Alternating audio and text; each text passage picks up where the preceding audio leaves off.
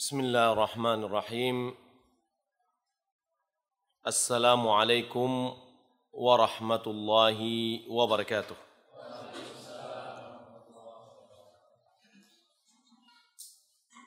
إن الحمد لله نحمده ونستعينه ونستغفره ونعوذ بالله من شرور أنفسنا ومن سيئات أعمالنا.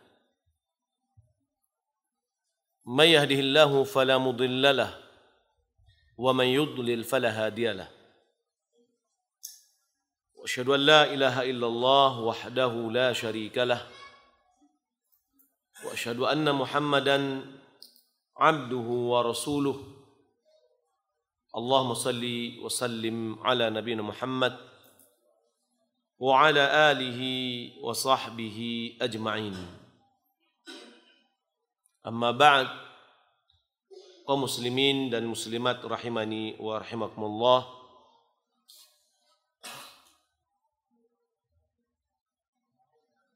Semua nikmat yang kita rasakan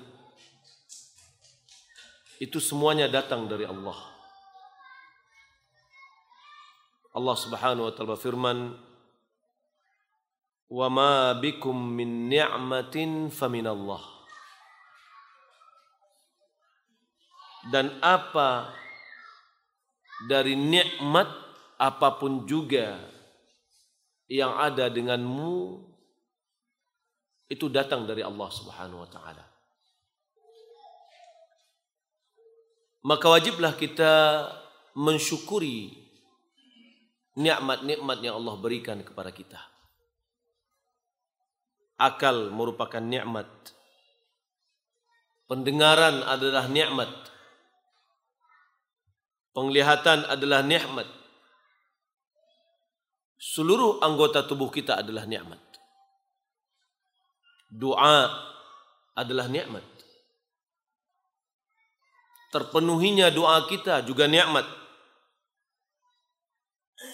Diberikan kita taufik untuk bisa taat kepada Allah adalah nikmat. Serta ketaatan itu sendiri adalah nikmat. Begitu banyak nikmat Allah Subhanahu wa taala yang telah diberikan oleh Allah kepada kita. Kalau kita hitung-hitung tidak akan mungkin kita menghitungnya. In ta'uddu ni'mat Allah la tuhsuha. Innal insana ladzalumun kaffar. Jika seandainya Kalian menghitung nikmat Allah, kalian tidak akan mungkin menghitungnya. Dan sesungguhnya manusia itu sungguh zalumun, la zalumun, la yakni sungguh. Zalumun yang banyak kezalimannya. Kafar yang banyak pengingkarannya. Setiap nikmat yang Allah berikan kepada kita wajib kita syukuri dan jika kita mensyukurinya Allah akan menambahnya. Beberapa nikmat yang telah kita sebutkan tadi seperti akal, pendengaran, penglihatan adalah nikmat. Hendaklah kita gunakan dalam keridhaan Allah Subhanahu wa taala. Mudah-mudahan kehadiran kita dalam majlis ini yang mempergunakan akal kita merupakan nikmat. Pendengaran kita adalah nikmat. Penglihatan kita adalah nikmat. Hati adalah nikmat. Yang kita ingin pergunakan untuk menambah ilmu merupakan salah satu bentuk syukur terhadap nikmat yang Allah berikan tersebut. Salat beriang salam semoga dan anugerah oleh Allah Subhanahu wa taala kepada Nabi kita Muhammad sallallahu alaihi wasallam Allahumma salli ala Muhammad wa ala ali Muhammad di mana beliau bersabda dalam satu hadis yang sahih yang dikeluarkan oleh Muslim Kullun nas yaghdu faba'i'un nafsahu famu'tiquha aw mubiquha. Nabi mengatakan setiap manusia yaghdu mulai dari pagi hari. Ketika kita bangun faba'i'un nafsahu. Dia sebenarnya menjual dirinya. Bagaimana orang yang berdagang maka orang yang berdagang mulai dari pagi hari dalam hari itu kemungkinan ada dua kemungkinan. Beruntung atau rugi. Begitu juga kita. Faba'i'un nafsah. Dia sebenarnya menjual dirinya. Lalu famu'tiquha au mubiquha. Apakah dia bisa memerdekakan dirinya dari api neraka? Atau dia menjurumuskan dirinya di dalam api neraka? billah. Semoga kita semua dilindungi oleh Allah Subhanahu wa taala dari azab api neraka. Maka hakikat hidup kita setiap hari kita berdagang dengan Allah. Berniaga dengan Allah Subhanahu wa taala. Allah Subhanahu wa taala menciptakan kita untuk mengabdikan diri kita kepada Allah. Wa ma khalaqtul jinna wal insa illa liya'budun. Tidaklah aku menciptakan jin dan manusia kecuali adalah untuk beribadah kepadaku kata Allah. Di dalam tafsir Ibnu Kathir yang bermadhab Syafi'i dia mengatakan ayyuhidullah untuk mentauhidkan Allah Subhanahu wa taala. Kehidupan kita adalah berdagang dengan Allah Subhanahu wa taala Lalu apakah pedagang kita ini beruntung atau untung, rugi? Mari kita lihat mulai dari pagi hari apa yang telah kita kerjakan sampai tidur kembali. Hari-hari yang kita lalui. Allah Subhanahu wa taala mengatakan wal laili idza yaghsha demi malam yang apabila datang kegelapannya. Wan nahari idza tajalla dan demi siang apabila datang terangnya. Wa ma khalaqa dzakar wal untha. Dan apa yang Allah telah ciptakan dari laki-laki dan perempuan.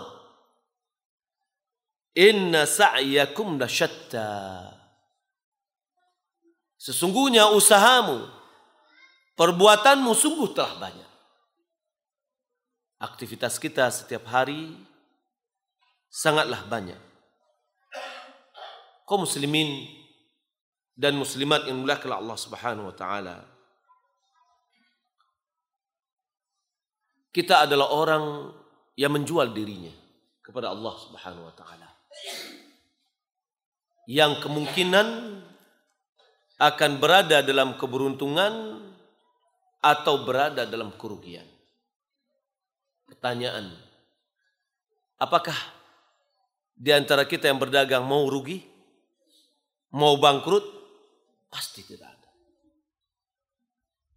Semua pedagang sangat pengen dan tidak pernah mengangan-angankan untuk rugi. Yang dia pengenkan adalah keuntungan.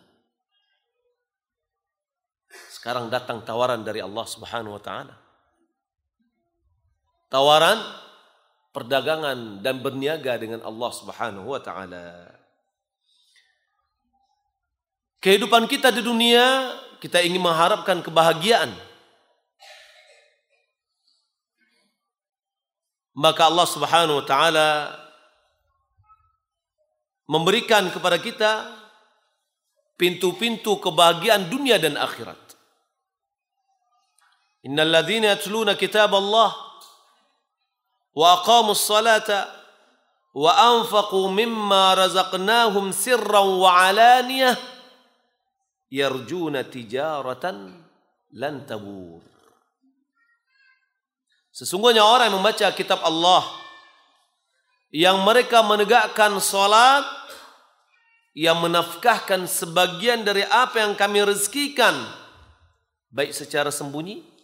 maupun terang-terangan mereka mengharapkan perdagangan yang tidak merugi.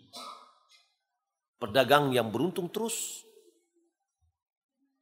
Di dalam surat As-Saff ayat 10 sampai 13 Allah menawarkan kepada kita perdagangan yang tidak merugi. Berniaga dengan Allah yang tidak akan pernah merugi Perdagangan yang diharapkan oleh setiap pedagang yang dia tidak ingin merugi sedikit pun. Allah Subhanahu wa taala berfirman, "Ya ayyuhalladzina amanu, hal adullukum ala tijaratin tunjikum min adzabin alim." Hai orang-orang beriman, tidakkah Aku beritahukan kepada kalian atas satu perdagangan yang mana perdagangan itu akan menyelamatkanmu dari azab yang pedih. Adakah perdagangan di dunia ini yang bisa menyelamatkan kita dari azab yang pedih? Perdagangan kita malahan menyibukkan diri kita ada orang yang berdagang terkadang dia tidak bisa tidur nyenyak. Dia diazab oleh hartanya sendiri. Tidur mahmum. Dia tidur dalam kondisi pikirannya dagang saya, harta saya. Khawatir kalau seandainya dia tidur, tokonya terbakar. Atau tokonya dicuri dan dirampok. Sekarang datang tawaran dari Allah Subhanahu wa taala adalah perdagangan yang mana perdagangan itu bisa menyelamatkan kita dari azab yang pedih. Apa dia? Tu'minuna billah wa rasulihi wa tujahiduna fi sabilillah bi amwalikum wa anfusikum Dzalikum khairul lakum in kuntum ta'lamun. Kalian beriman kepada Allah dan kepada Rasulnya. Kalian berjihad di jalan Allah dengan harta-harta kalian dan dengan jiwa-jiwa kalian. Dzalikum khairul lakum in kuntum ta'lamun. Hal yang demikian lebih baik dari kalian, lebih baik bagi kalian jika kalian mengetahui kata Allah Subhanahu wa taala. Khitab pembicaraan disampaikan kepada kita semua. Lalu apa keberuntungan yang kita dapatkan? Yaghfir lakum dhunubakum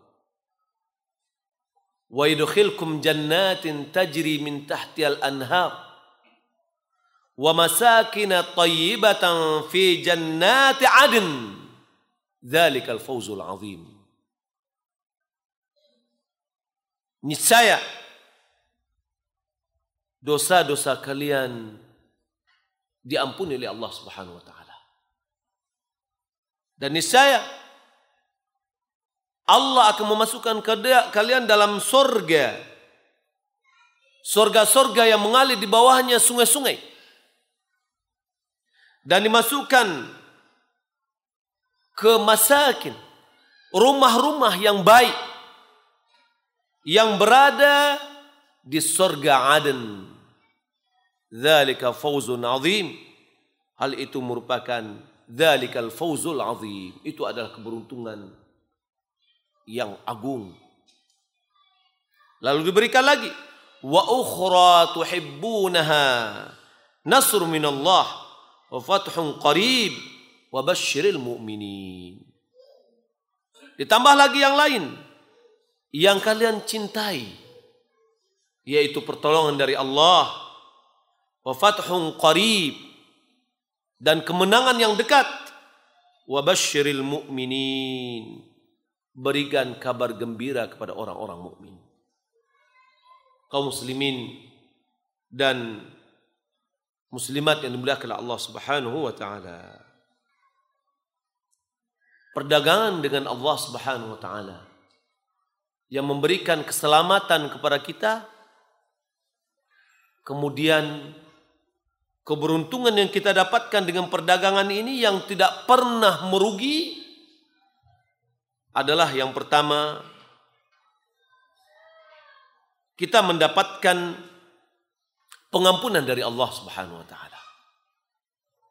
Setiap hari kita beribadah. Untuk apa kita beribadah? Kita ingin mendapatkan pengampunan dari Allah Subhanahu wa taala. Setiap hari kita berdoa agar kita diampuni oleh Allah Subhanahu wa taala. Karena hampir setiap kita ini tidak luput dari dosa maka pengampunan yang kita harapkan dari Allah Subhanahu wa taala. Perdagangan dengan Allah akan bisa memberikan pengampunan kepada seluruh dosa-dosa kita.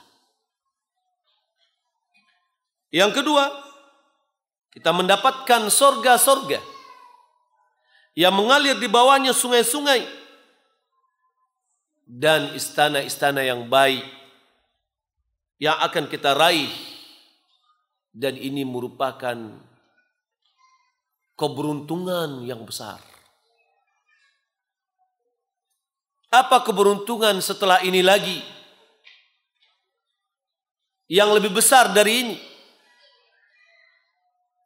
Kalau kita mengambil untung dalam perdagangan kita 200 kali lipat, kita merasa ini sudah keuntungan yang besar.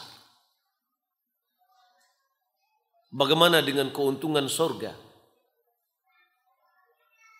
Sorga, orang yang paling terakhir masuk sorga dan dia adalah orang yang paling terakhir mendapatkan kenikmatan sorga dan itu ada kenikmatan yang paling minim. Adalah orang yang mendapatkan sekian kali lipat dari kekayaan raja di dunia. Dalam satu hadis yang dikeluarkan oleh Ibnu Majah. Di mana orang yang terakhir masuk ke dalam surga itu setelah semuanya sebelumnya orang-orang masuk surga sudah menempatkan posisi mereka masing-masing orang yang terakhir ini dimasukkan oleh Allah Subhanahu wa taala dalam surga malahan dikhayalkan kepada dia seakan-akan surga itu sudah penuh. Dia mengatakan kepada Allah bahwasanya surga sudah penuh. Lalu Allah Subhanahu wa taala mengatakan, "Tidakkah engkau ridha untuk mendapatkan kekayaan seorang raja di dunia?" Lalu dia mengatakan, "Ya, saya ridha ya Rabb." Siapa raja yang paling kaya di dunia? Coba kita bayangkan berapa kekayaannya. Dan surga atau kenikmatan surga yang akan didapatkannya ditawarkan kepadanya adalah seperti kekayaan seorang raja dunia. Lalu Allah mengatakan, Tidakkah engkau rida? Aku berikan sepertinya, sepertinya sepertinya, sepertinya. Sampai yang kelima dia mengatakan, aku sudah ridho ya Rob. Berarti dia mendapatkan lima kali lipat dari kemegahan atau kekayaan dun, uh, raja dunia. Lalu Allah katakan lagi, bagimu sepertinya, sepertinya sampai sepuluh kali dikatakan oleh Allah Subhanahu wa taala walaka ma tashtahi bihi anfus nafsuk Engkau akan mendapatkan apa saja yang kamu pengenkan oleh dirimu. Perdagangan dengan Allah Subhanahu wa taala. Kalau seandainya kita di dunia menjual sebidang tanah yang satu are misalkan, lalu dengan harga satu are ini kita bisa mendapatkan seribu are. Keuntungan yang besar atau tidak? Tentu keberuntungan yang besar. Bagaimana dengan perdagangan kita nanti? Allah Subhanahu wa taala masukkan kita ke dalam sorga. Apabila kenikmatan sorga yang terakhir orang yang masuk mendapatkan 50 kali lipat raja dunia dan dia mendapatkan apa pun yang diinginkannya. Adakah perdagangan yang lebih beruntung dari itu? Tidak ada lagi. Kita akan mendapatkan rumah-rumah yang megah, yang baik di dalam surga. Kaum muslimin dan muslimat yang dimuliakan Allah Subhanahu wa taala.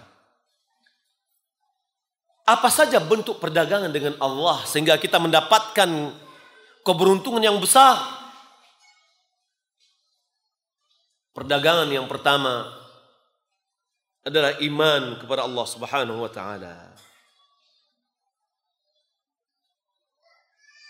Ini adalah dasar pondasi perdagangan yang tidak akan merugi sedikit pun.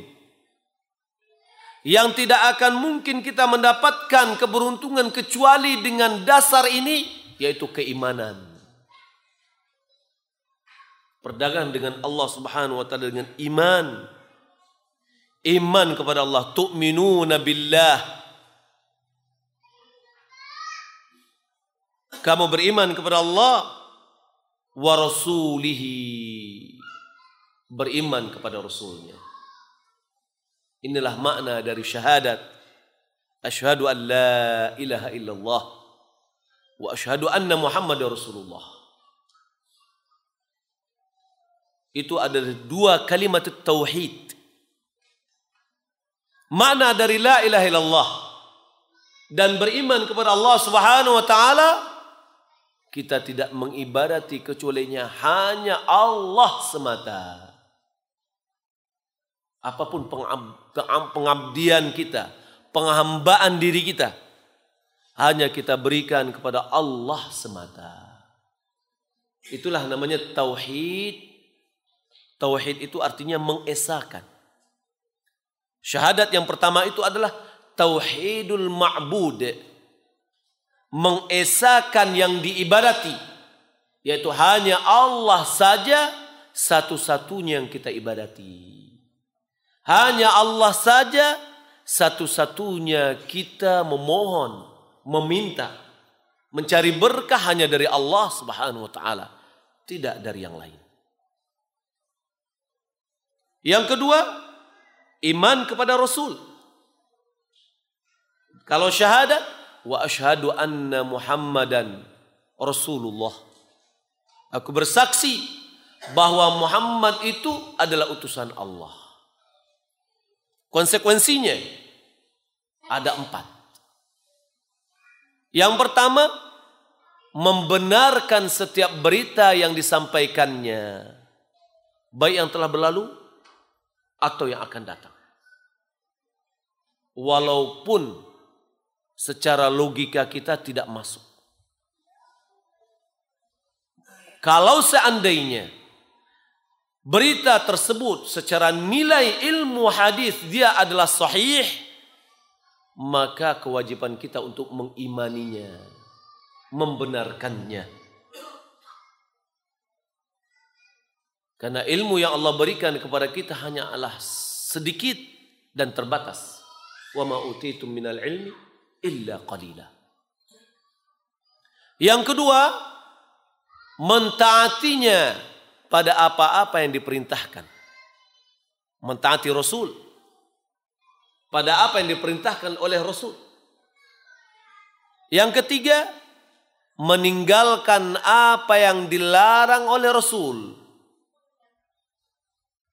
Yang keempat, tidaklah mengibadati Allah kecuali apa yang telah disyariatkan oleh Rasul. Dikatakan juga bahwasannya syahadat anna Muhammad Rasulullah ini juga adalah tauhid yaitu tauhidul matbu' apa arti matbu' yang diikuti yaitu satu-satunya manusia yang kita ikuti adalah Rasulullah sallallahu alaihi wasallam. Satu-satunya yang kita ibadati adalah Allah Subhanahu wa taala. Dan satu-satunya yang kita ikuti adalah Rasulullah sallallahu alaihi wasallam. Allah Subhanahu wa taala berfirman, "Wa ma kana lil mu'minin wala mu'minatin idza qada Allah wa rasuluhu amran an yakuna lahumul khiyaratu min amrihim. Wa may ya'si Allah wa rasulahu faqad dhalla dhalalan ba'ida. Dalam surah Al-Ahzab Allah berfirman tidak ada bagi mukmin seorang mukmin laki-laki. Tidak juga bagi mukmin perempuan apabila Allah dan Rasulnya telah memutuskan satu keputusan.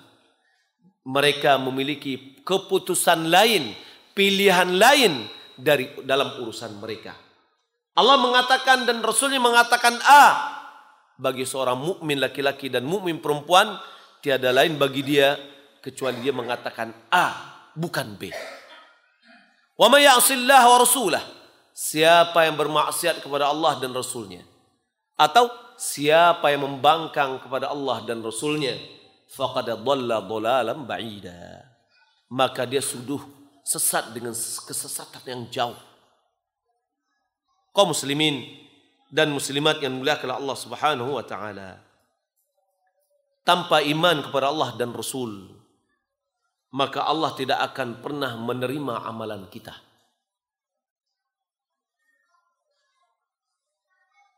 Iman kepada Allah dan Rasul ini adalah dasar diterimanya amalan kita.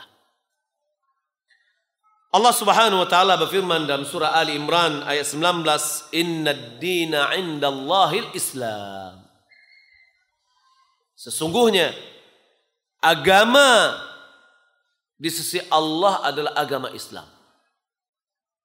Wa man yabtaghi ghairal islami dinan falan yuqbala minhu wa huwa fil akhirati minal khasirin. Dalam surah Ali Imran ayat 85.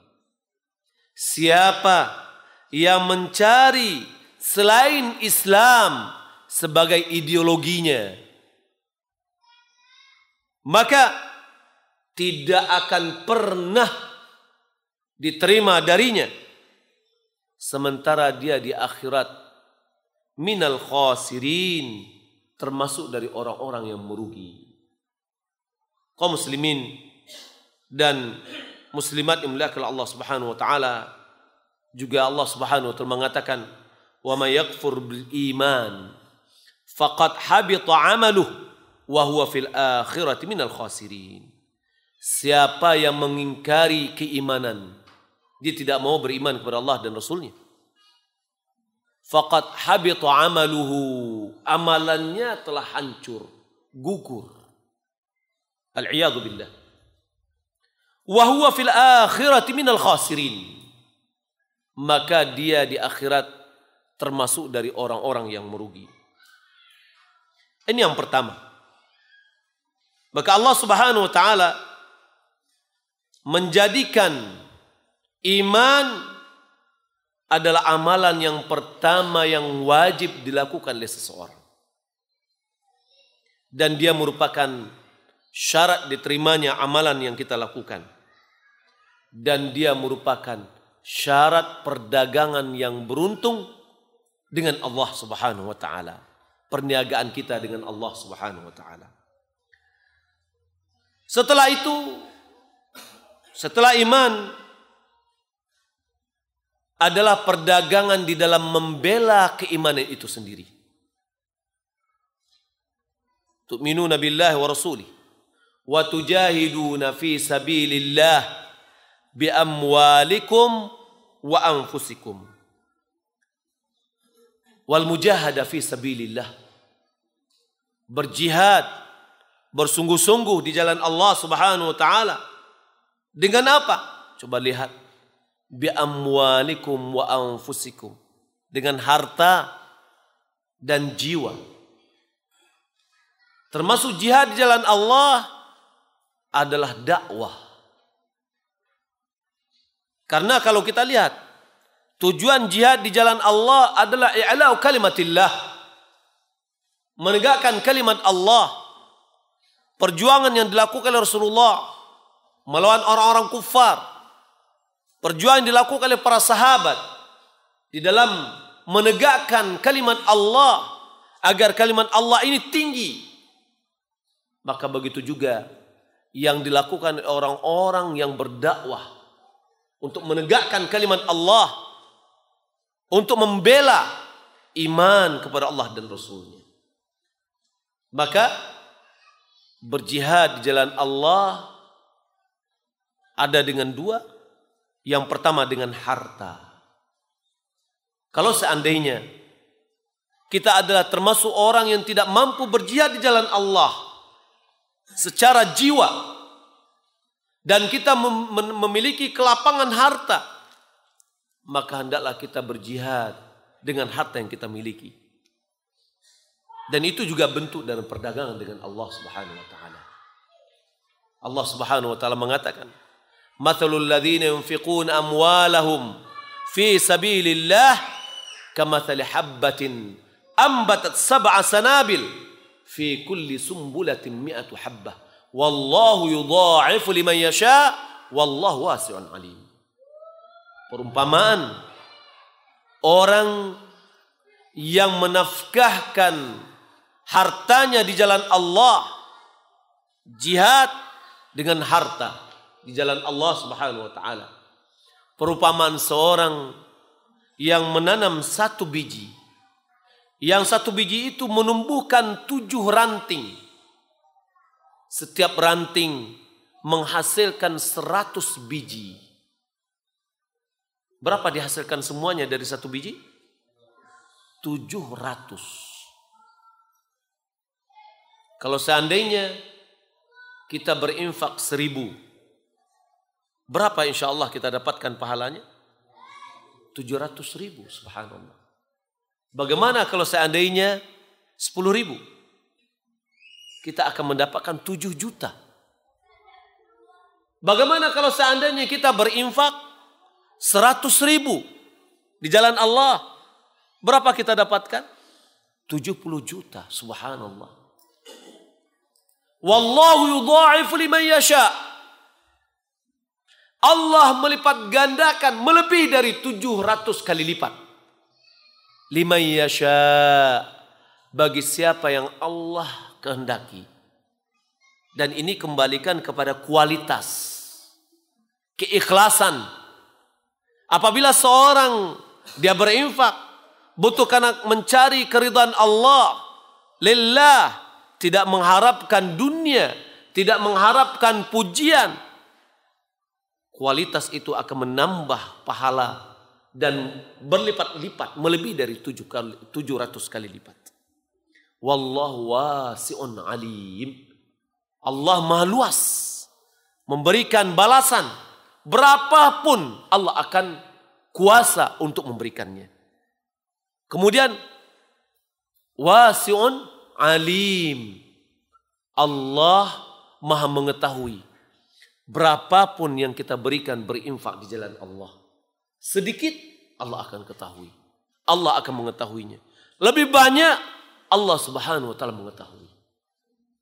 Berinfak di jalan Allah Subhanahu wa taala kaum muslimin dan muslimat muliakan Allah Subhanahu wa taala tidak ada ruginya. Tidak ada ruginya. Nabi sallallahu alaihi wasallam mengatakan, "Ma naqasat sadaqatun min malin." Sedekah tidak pernah mengurangi harta. Betulkah? Hah? Baik. Coba kita contohkan. Kalau seandainya bapak ibu memiliki uang satu juta,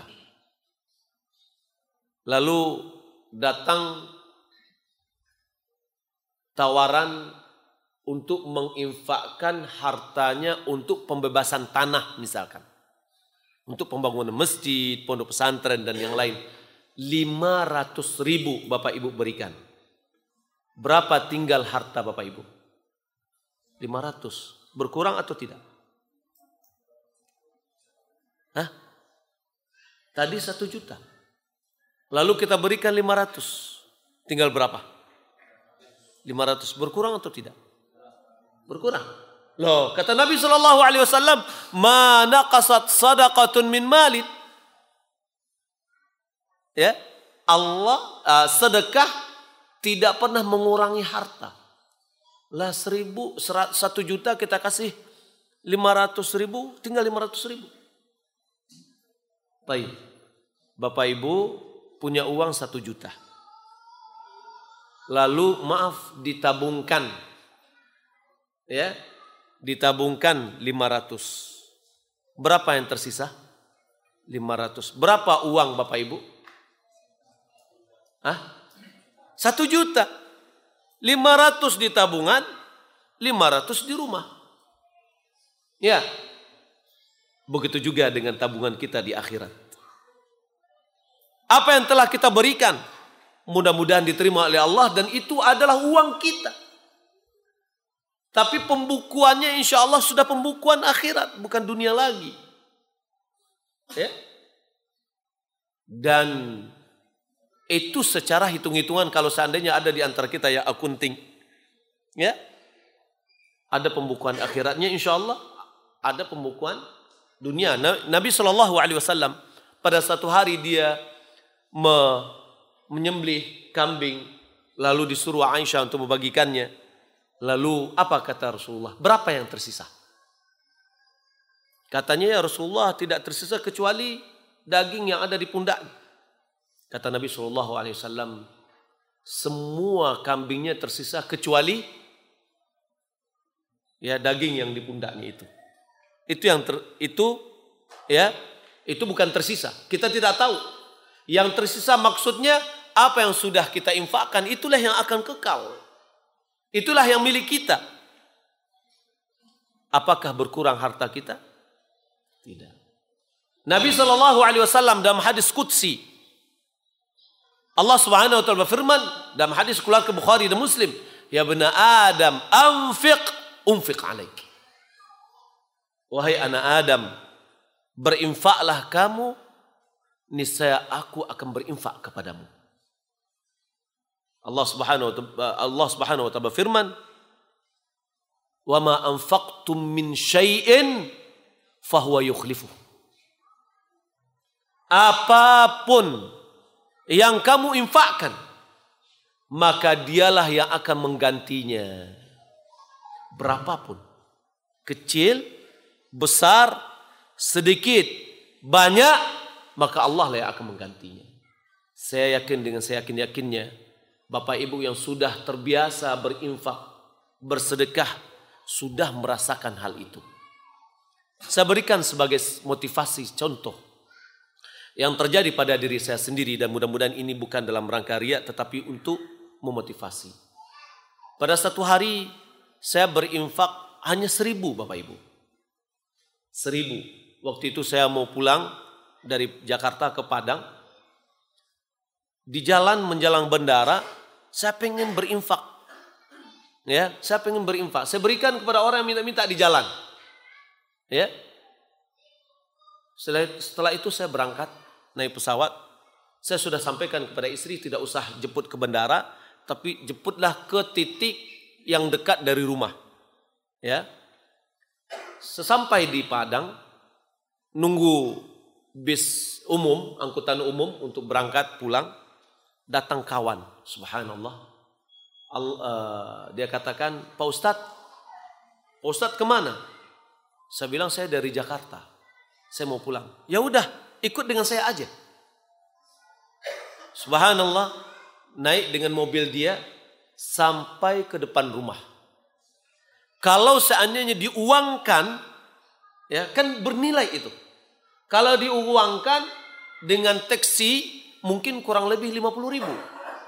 Coba seribu diganti oleh Allah Subhanahu wa taala 50 ribu walaupun tidak kita ambil. Di dalam perjalanan menuju rumah datang SMS dari kawan. Dia bilang, "Pak Ustadz, minggu depan Pak Ustadz ada acara enggak? Saya mau pengen memasukkan mobil Pak Ustadz ke bengkel." Ya.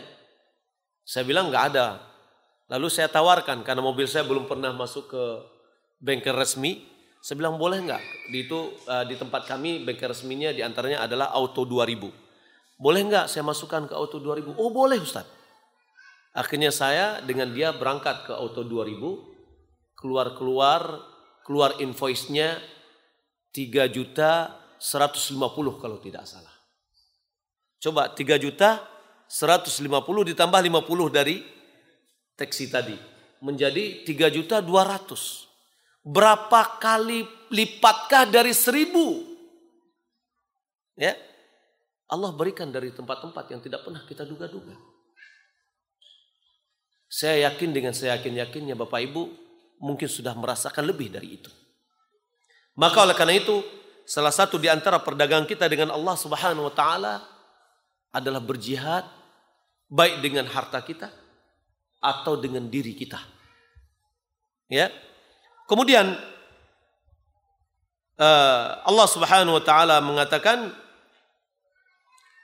uh, dzalikum khairul lakum in kuntum ta'lamun.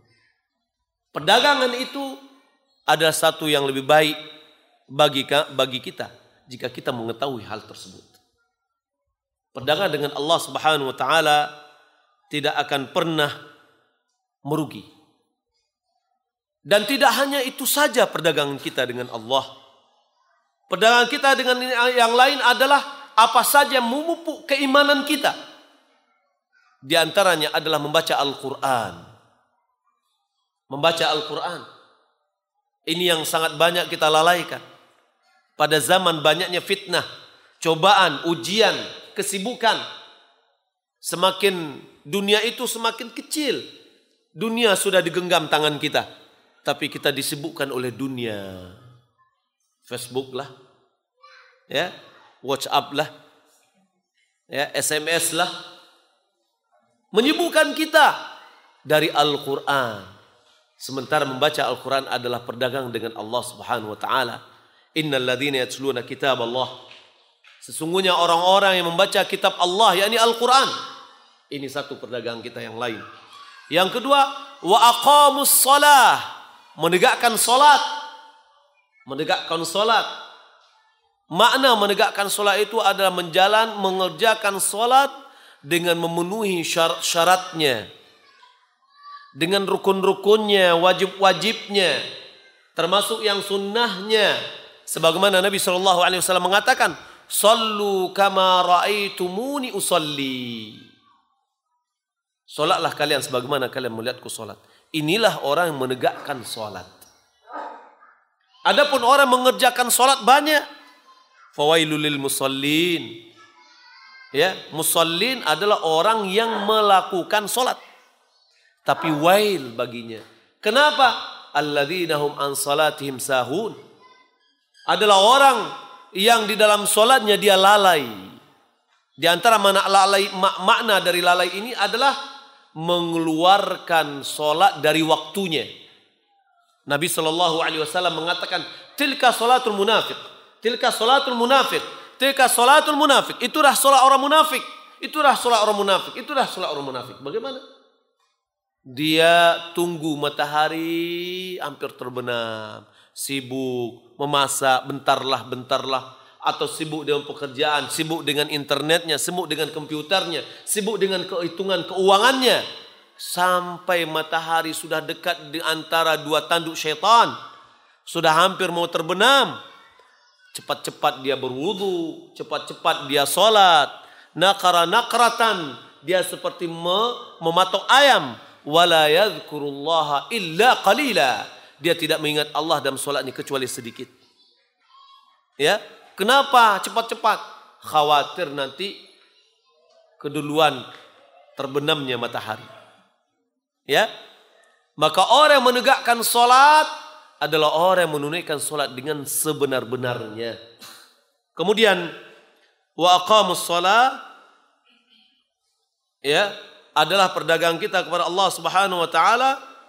Kemudian wa anfaqu mimma razaqnahum sirran wa alaniyah. Dia menginfakkan sebagian dari apa yang kami rezekikan kepadanya secara sembunyi-sembunyi dan secara terang-terangan di mana amalan yang paling baik itu adalah amalan yang continue. Inna ahabal amal ila Allah adwamuha wa in qalla. Amalan yang paling baik itu adalah amalan yang continue walaupun sedikit. Kita pagi-pagi jika kita berinfak, pasti kita memiliki uang recehan. Ya, uang recehan, uang recehan yang terkecil yang yang banyak sekarang ini 2000, 1000 sudah sulit kita mencarinya. 2000 kita berinfak, kita masukkan ke masjid. Subuh kita sudah berinfak. Nabi SAW bersabda dalam hadis keluarga Bukhari dan Muslim, ma min ayamin yusbihu fihi al-ibad illa malakani yanzilan. Tidak ada hari-hari subuh tidaklah seorang hamba pada pagi hari kecuali dua malaikat turun.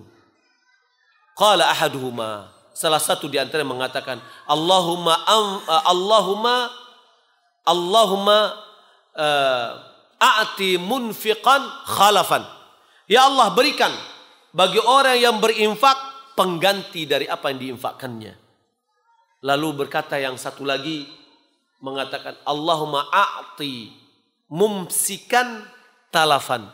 Ya Allah berikan bagi orang yang menahan hartanya kehancuran terhadap hartanya. Bapak Ibu kita mau memilih doa yang mana? Malaikat yang pertama atau yang kedua? Yang pertama. Maka berinfaklah kita. Pagi-pagi kita berinfak kita mendapatkan doa dari dari malaikat tersebut.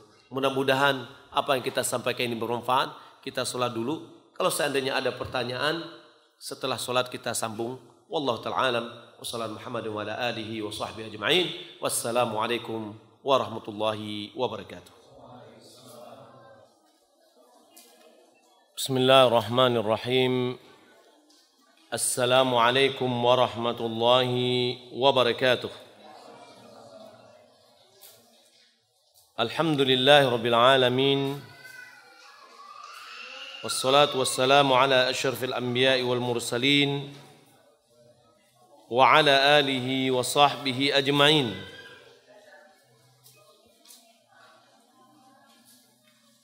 أما بعد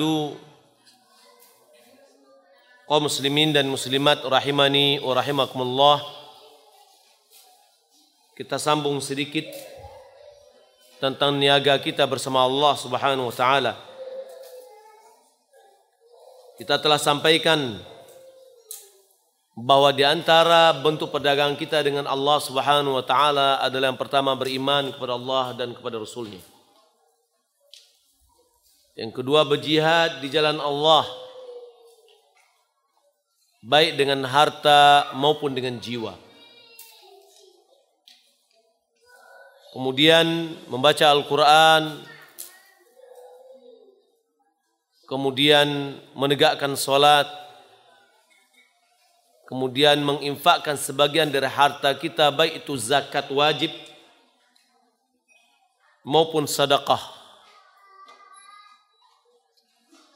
Dalam surat At-Taubah ayat 111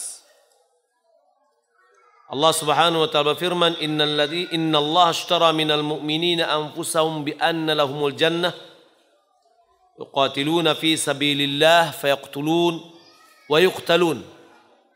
وعدا عليه حقا في التوراة والإنجيل والقرآن. ومن أوفى بعهد من الله فاستبشروا ببيعكم الذي بايعتم به. وذلك هو الفوز العظيم. التائبون العابدون الحامدون السائحون الراكعون الساجدون الآمرون بالمعروف والناهون عن المنكر والحافظون لحدود الله وبشر المؤمنين. Allah Subhanahu wa taala mengatakan pada ayat 111 Sesungguhnya Allah Subhanahu wa taala membeli dari orang-orang mukmin. Anfusahum wa amwalahum diri mereka dan harta mereka bi anna lahumul jannah dengan memberikan surga untuk mereka. Yuqatiluna fi sabilillah.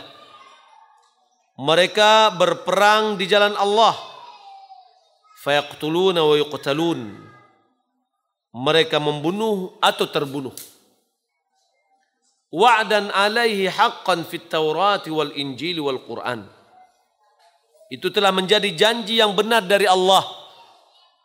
Baik di dalam Taurat, Injil maupun dalam Al-Quran.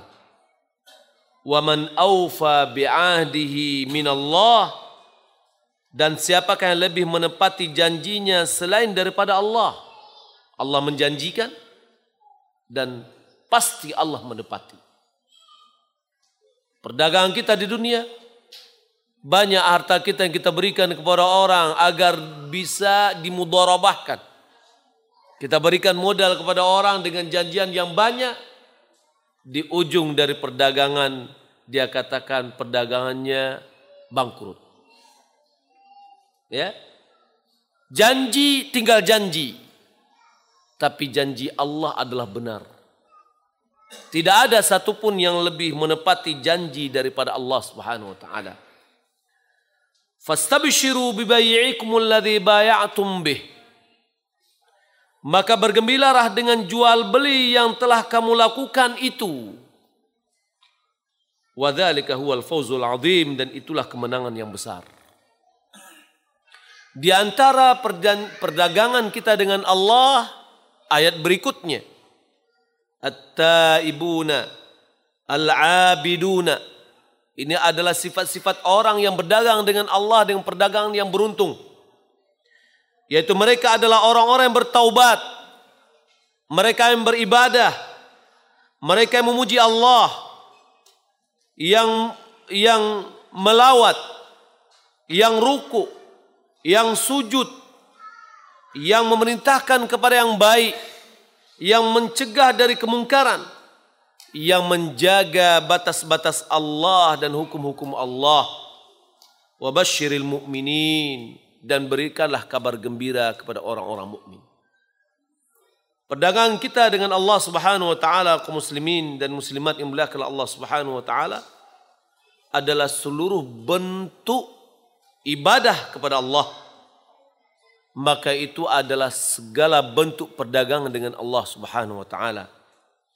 Sehingga dalam hadis yang kita bacakan pertama, bahwasanya setiap hari, setiap manusia, setiap manusia, setiap hari mulai dari pagi hari dia sudah berdagang, menjual dirinya dengan Allah Subhanahu kepada Allah Subhanahu wa taala dengan apa? Dengan ibadah. Di awal hadis itu Nabi Shallallahu alaihi wasallam mengatakan at-tuhuru syatrul iman. Bersuci itu adalah sebagian dari iman. Walhamdulillah tamla'ul mizan. Ucapan alhamdulillah kita itu akan memenuhi timbangan. Wa subhanallah walhamdulillah tamla'ani atau tamla'u ma bainas samai bainas samawati wal ard. Ucapan kita subhanallah walhamdulillah keduanya akan memenuhi atau memenuhi antara langit dan bumi.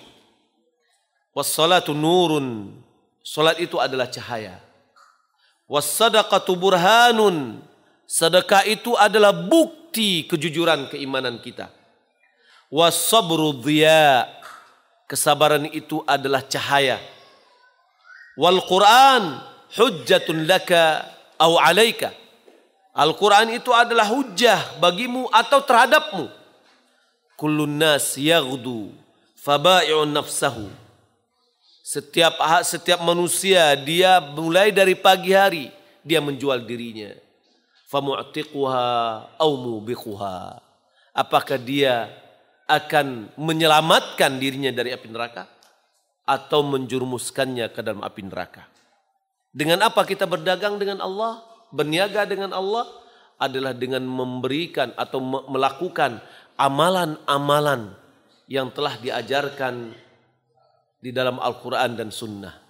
Dan termasuk perdagangan kita dengan Allah adalah menegakkan sunnah Rasulullah Wasallam, menjalankan sunnah Rasulullah Wasallam setiap hari, membelanya, menyebarkannya, itu bagian dari perdagangan kita dengan Allah Subhanahu Wa Taala. Mudah-mudahan Allah Subhanahu Wa Taala membukakan hati kita untuk bisa mengamalkan dan berdagang dengan Allah dengan sebaik-baiknya sehingga kita mendapatkan keberuntungan yang besar yaitu menyelamatkan kita dari azab yang pedih dan memasukkan kita dalam surga Jannatun Naim. Semoga Allah Subhanahu wa taala mengabulkannya. Wallahu taala alam wa sallallahu Muhammadin wa ala alihi wa sahbihi ajmain kalau seandainya ada pertanyaan kita buka kesempatan untuk pertanyaan dari apa yang telah kita jelaskan pada kajian kita sore ini.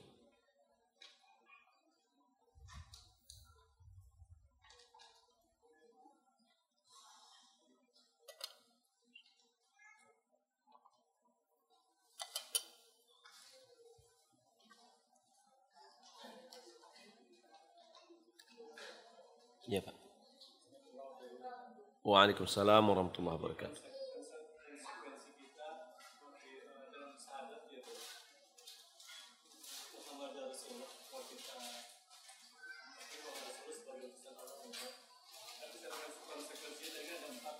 Iya Pak.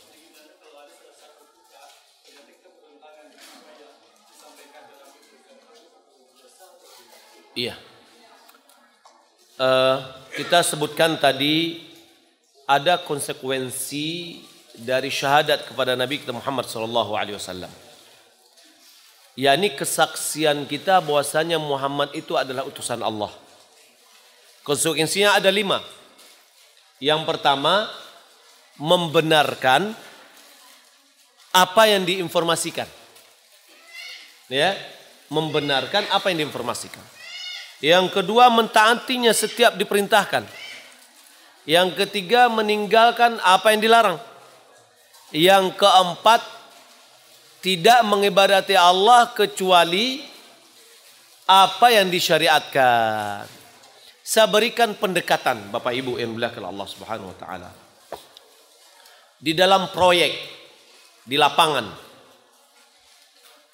Ya, Bapak Ibu, mudah-mudahan uh, bisa memberikan perhatian di dalam proyek. Apakah bos yang tertinggi langsung turun ke lapangan? Biasanya tidak. Dia akan ada namanya mandor Betul atau tidak? Ya. Mandor ini baru diakui sebagai mandor oleh anak buahnya. Kira-kira apa yang dilakukan oleh anak buahnya terhadap mandor ini? Yang pertama, dia harus mengaminkan perkataan mandor. Ya. Dia membawa informasi dari bos nih. Ya, Kata mandornya A, B, C, D dan seterusnya. Anak buahnya jika dia mengakui si A ini sebagai mandornya, dia harus mengaminkan. Yo, ya, ya. Kalau dia tidak membenarkan, ah oh, nggak mungkin mandor mengatakan, nggak mungkin bos mengatakan begitu, mungkin mandor ini ada-ada aja. Berarti dia tidak mengakui si A itu sebagai mandor. Ya. Yang kedua, mentaati sesuai dengan yang diperintahkan. Masuk jam sekian, keluar jam sekian. Ya. Yang ketiga meninggalkan larangannya. Eh nggak boleh melakukan begini. Yang keempat harus melakukan pekerjaan sesuai dengan arahan mandor. Mandor nyuruh bikin besi untuk lantai sekian gedung yang tinggi disuruh uh, besi misalkan ukuran 24 Anak buahnya, ah nggak usahlah kita bikin 24. Yang 12 aja deh. Ya. Pertama, dia tidak mengakui bahwa si A itu sebagai mandornya. Yang kedua apa efeknya? Hancur. Ya, kira-kira begitu juga lah. Ya, uh, sikap kita kepada Rasulullah Shallallahu Alaihi Wasallam.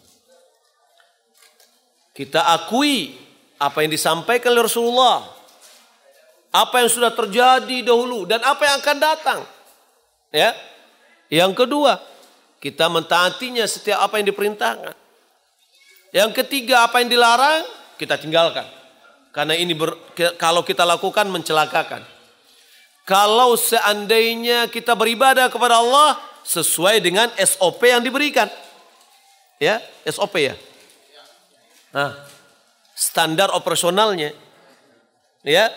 Sebab kalau seandainya Bapak Ibu membuat laporan ke atasan ya dalam satu perusahaan tidak sesuai dengan SOP walaupun kita mengatakan Bapak ke ini saya setelah membaca buku sekian buku dan saya ahli di dalam akuntan saya pikir untuk membuat laporan yang terbaik itu seperti ini tapi tidak sesuai dengan SOP Kira-kira diterima nggak oleh atasan? Nggak akan diterima. Ya, begitu juga ibadah kita. Mungkin ada kita ada mengatakan, oh saya rasanya begini yang benar. Tapi tidak sesuai dengan SOP yang telah ditetapkan oleh Rasulullah. Diterima oleh Allah? Tidak akan diterima. Nah kalau seandainya salah satu dari empat ini kita tidak jalankan, berdosakah kita?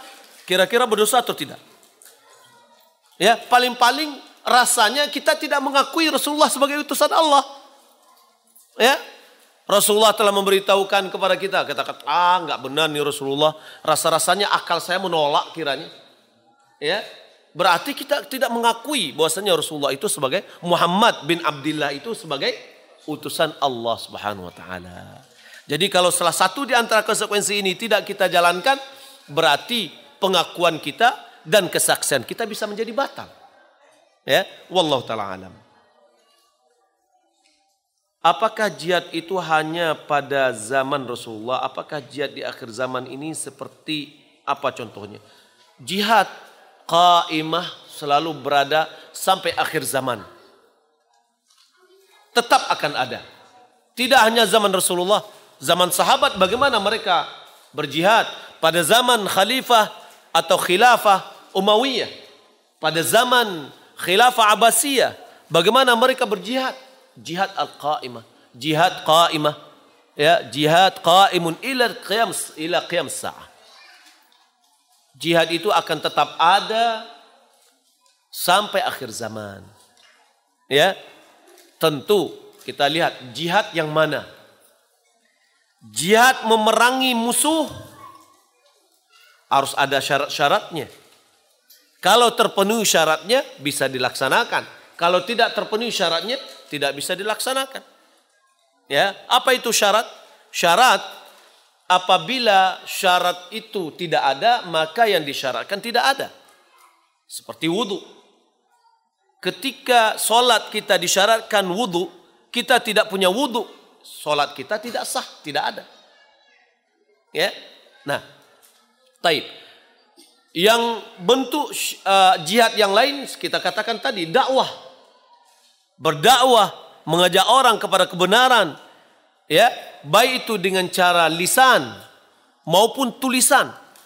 Bapak Ibu ya melihat ada tulisan yang tidak baik. Jauh dari kebenaran. Ya, me, me, menyamarkan kebenaran maka Bapak Ibu ter, tergugah hatinya untuk membantah uh, tulisan tersebut. Maka itu adalah jihad. Jihad dengan apa? Dengan kalam, dengan tulisan. Atau kita sampaikan dengan lisan kita, jihad dengan lidah. Ya. Karena tujuan tadi, tujuan jihad adalah i'la'u kalimatillah. Menegakkan kalimat Allah Subhanahu atau meninggikan kalimat Allah. Maka berdakwah adalah bagian dari jihad kepada Allah Subhanahu wa taala ya maka oleh karena itu dan termasuk uh, apa namanya mujahadah itu juga terhadap diri kita sendiri. Ya, datang untuk menuntut ilmu, berjihad untuk datang menuntut ilmu di tengah-tengah godaan yang banyak. Ya, itu adalah bagian dari jihad juga. Wallahu taala alam.